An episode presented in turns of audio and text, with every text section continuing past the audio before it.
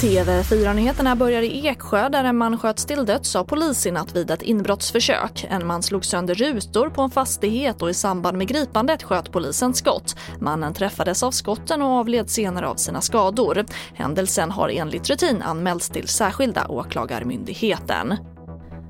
Och regeringens nya pandemilag är tänkt att börja gälla redan i januari. Men trots det är det fortfarande oklart hur de verksamheter som drabbas av restriktionerna i den nya lagen ska ersättas, det rapporterar SR. Lagen ska bland annat göra det möjligt att stänga ner köpcentrum för att minska smittspridningen. Och på söndag börjar vaccineringen med Pfizer-Biontechs vaccin i Europa. Här i Sverige rör det sig om runt 90 000 doser av vaccinet som kommer fördelas till regionerna i mellandagarna.